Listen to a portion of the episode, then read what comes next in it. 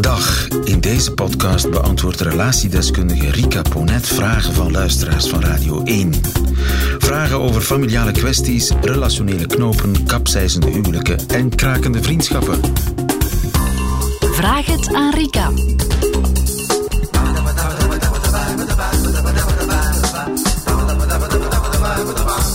Ik heb wel tonnen vragen voor jou binnengekregen. Heb jij er zin in, in een dilemma? Zeker, altijd.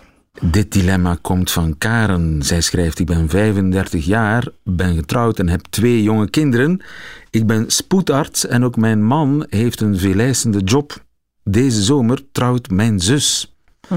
En dat zorgt voor spanningen in de familie.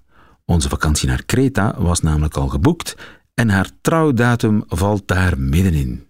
Ja, Ja, het is de enige periode waarin wij op vakantie kunnen gaan. We hebben heel veel nood aan die vakantie, want door onze jobs zien we elkaar als gezin niet vaak tijdens het jaar. Ik moet vaak op onmogelijke uren werken en mijn man maakt vaak lange dagen en kan alleen op vakantie tijdens die periode het bouwverlof. ja. Deze vakantie geeft ons rust als gezin even niets aan het hoofd. De trouwdatum is voor mijn zus onbespreekbaar. Ze zegt dat daar geen beginnen aan is, omdat je nooit met iedereen rekening kunt houden. Dat begrijp ik helemaal. Al moeten wij daardoor wel een moeilijke keuze maken. Anderzijds is het haar keuze natuurlijk om in de vakantie te trouwen en weet ze dan ook dat er mensen op vakantie zullen zijn of hun vakantie zullen moeten aanpassen aan hen. En daar wringt het schoentje, schrijft Karen.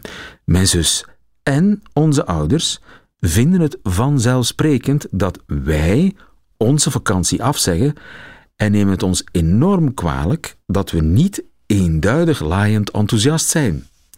Dit veroorzaakte al veel spanningen in de familie. Mooie kerst moet het geweest zijn. Om deze spanningen verder te vermijden, het is nog niet afgelopen, blijf bij mij. Om deze spanningen verder te vermijden, hebben wij onze vakantie intussen geannuleerd, Amai. schrijft Karen. We hebben een andere, kortere vakantie geboekt, zodat we op haar trouw aanwezig kunnen zijn. We kozen voor Barbados. Voor het eerst naar een ander continent. Dat stond al van voor corona op onze droomlijst. Voor de kinderen ook een eerste vliegreis. Zo hopen we dat deze kortere vakantie niet zal voelen als een mindere vakantie.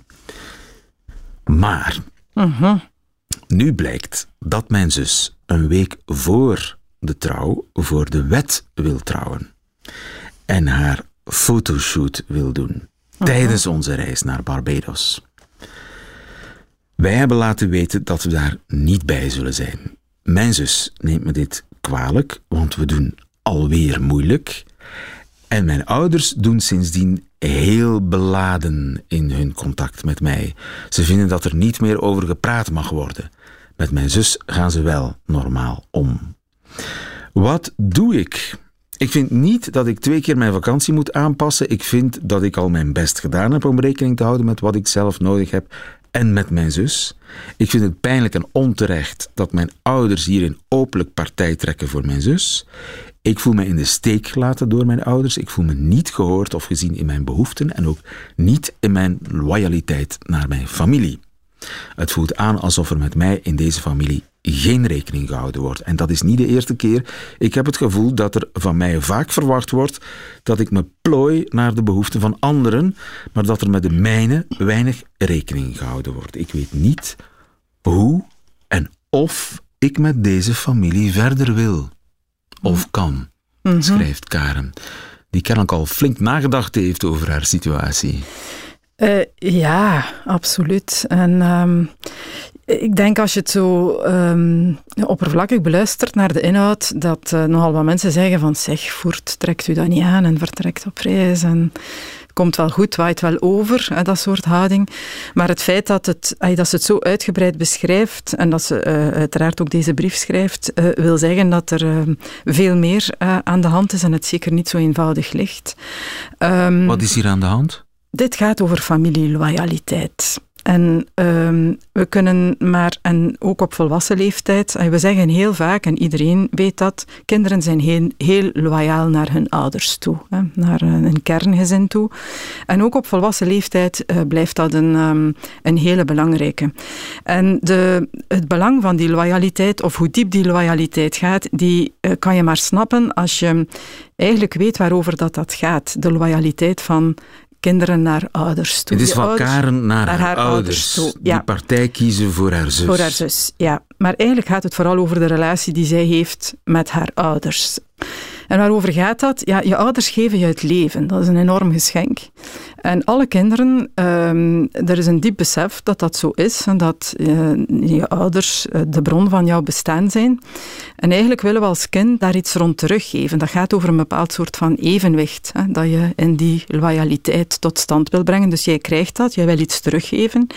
En dat doe je door iets van je leven te maken, uh, maar vaak ook door de dingen te doen die je ouders van jou verwachten. En, Op de um, trouw aanwezig zijn van je zus. In dit, ja, en dan merk je, ja, um, naarmate je volwassen wordt, komt dat soms al eens in conflict met je eigen individuele verlangens. Ja. In, maar in, in, dit geval heeft ze toch goed opgelost. Ze zegt van, ja. Ik vind dat ze al een enorme stap gezet heeft. Ze heeft een vakantie Absoluut. geannuleerd ja. en, en, een andere vakantie, een kortere vakantie geboekt. Dat, dat, dat, dat, ze heeft aan tijd toch getoond. getoond. Absoluut. Ja, als je het heel rationeel bekijkt, dan kan je inderdaad zeggen, eigenlijk um, heeft ze gedaan wat ze moet doen. Hè, dit is prima.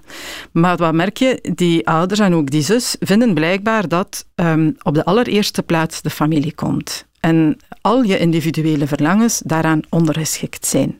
Ik zie dat wel vaker, dat, um, dat, ja, dat, dat dat verwacht wordt in het gezin van oorsprong door um, ouders. Maar dat dat verwacht wordt, neem ik aan, maar dat je, dat je daarnaar daar schikt, schikt is, is nog dat... een ander verhaal. Ja. Nu, wat merk je ook? Hey, um, je zei daar juist al kerst en ik vond dat eigenlijk wel heel betekenisvol. Ja, we hebben dat ook nog niet zo lang achter ons liggen. Um, telkens opnieuw als mensen terugkeren naar hun gezin van oorsprong, keren ze eigenlijk ook een stukje terug naar de rol die ze in dat gezin van oorsprong ze hadden. Ze, worden, ja, ze voelen zich opnieuw zo. Ze worden dat niet zo, maar ze worden dat niet opnieuw, uiteraard, maar ze voelen opnieuw die oude dynamiek en ze gaan daar vaak ook opnieuw in staan. En bij zo'n trouwfeest heb je dat dan ook. En vandaar ook dat zij heel uitvoerig aangeeft, ja, eigenlijk ik voel mij enorm afgewezen, niet erkend in um, al mijn inspanningen die ik lever hè, om, um, om gezien te worden. Absoluut terecht. Nu, breken met je familie, dat is nooit een goed idee. Um, uiteraard is dat soms de, de enige weg, hè, omdat het anders absoluut niet leefbaar is, maar zover lijkt het mij hier nog niet gekomen te zijn. Wat wel een belangrijke is, en dat is iets wat nogal wat mensen ook rond feesttafels ervaren, hè, met kerst en nieuw en, en alle grote feesten, het is wel een goed idee om eens goed na te denken over de rol die je had in dat gezin van oorsprong en als volwassene te durven breken met die rol. En het is heel duidelijk... Wat zou die rol dan kunnen geweest zijn? Of heel hard pleasen en proberen tegemoet te komen aan de verwachtingspatronen hè, die die ouders hadden. Wat zie je ook? Het is niet omdat ouders zeggen dat ze al hun kinderen even graag zien, dat ze hun kinderen ook allemaal op dezelfde wijze behandelen of benaderen. Um, dus een stukje loskomen en afstand durven nemen van wat verwachten mijn ouders en wat wil ik graag in mijn leven? Uh, en dat zijn dan haar, wat we noemen in de psychologie, haar horizontale loyaliteiten, die liggen bij haar partner, bij haar gezin. De verticale, dat zijn die naar boven toe, liggen bij haar ouders. Vandaar voor jezelf een evenwicht in te zoeken.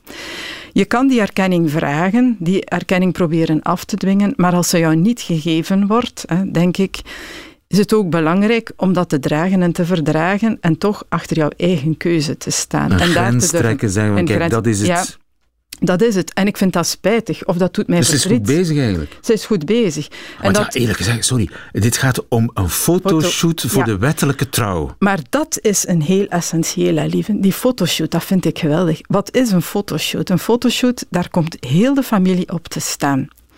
Uh, ja, ik weet niet of jullie dat thuis soms doen, maar ik doe dat zo al eens door de fotoalbums uh, van het, ook van mijn ouders als ze trouwden. Beeld je eens in, je staat niet op, uh, op die foto's. Ja, maar er is toch de echte ja. trouw, of de kerkel, of ja. weet ik veel welk voor trouw het is, Maak dan de fotoshoot. Ja, maar het is bijna alsof dat de familie u metaforisch verplicht. Als je bij deze familie wil horen en dus op de foto's wil staan, hè, want dat is het levendige bewijs dat jij deel bent van deze familie, dan ga je toch je vakantie moeten opgeven en jouw verlangens ondergeschikt maken aan het belang van de familie. Zal zij haar vakantie op Barbados annuleren, denk je? Ik denk dat niet. En je ik, hoopt van niet? Ik hoop van niet. Ja, ik hoop dat ze dat innerlijke conflict aanpakt.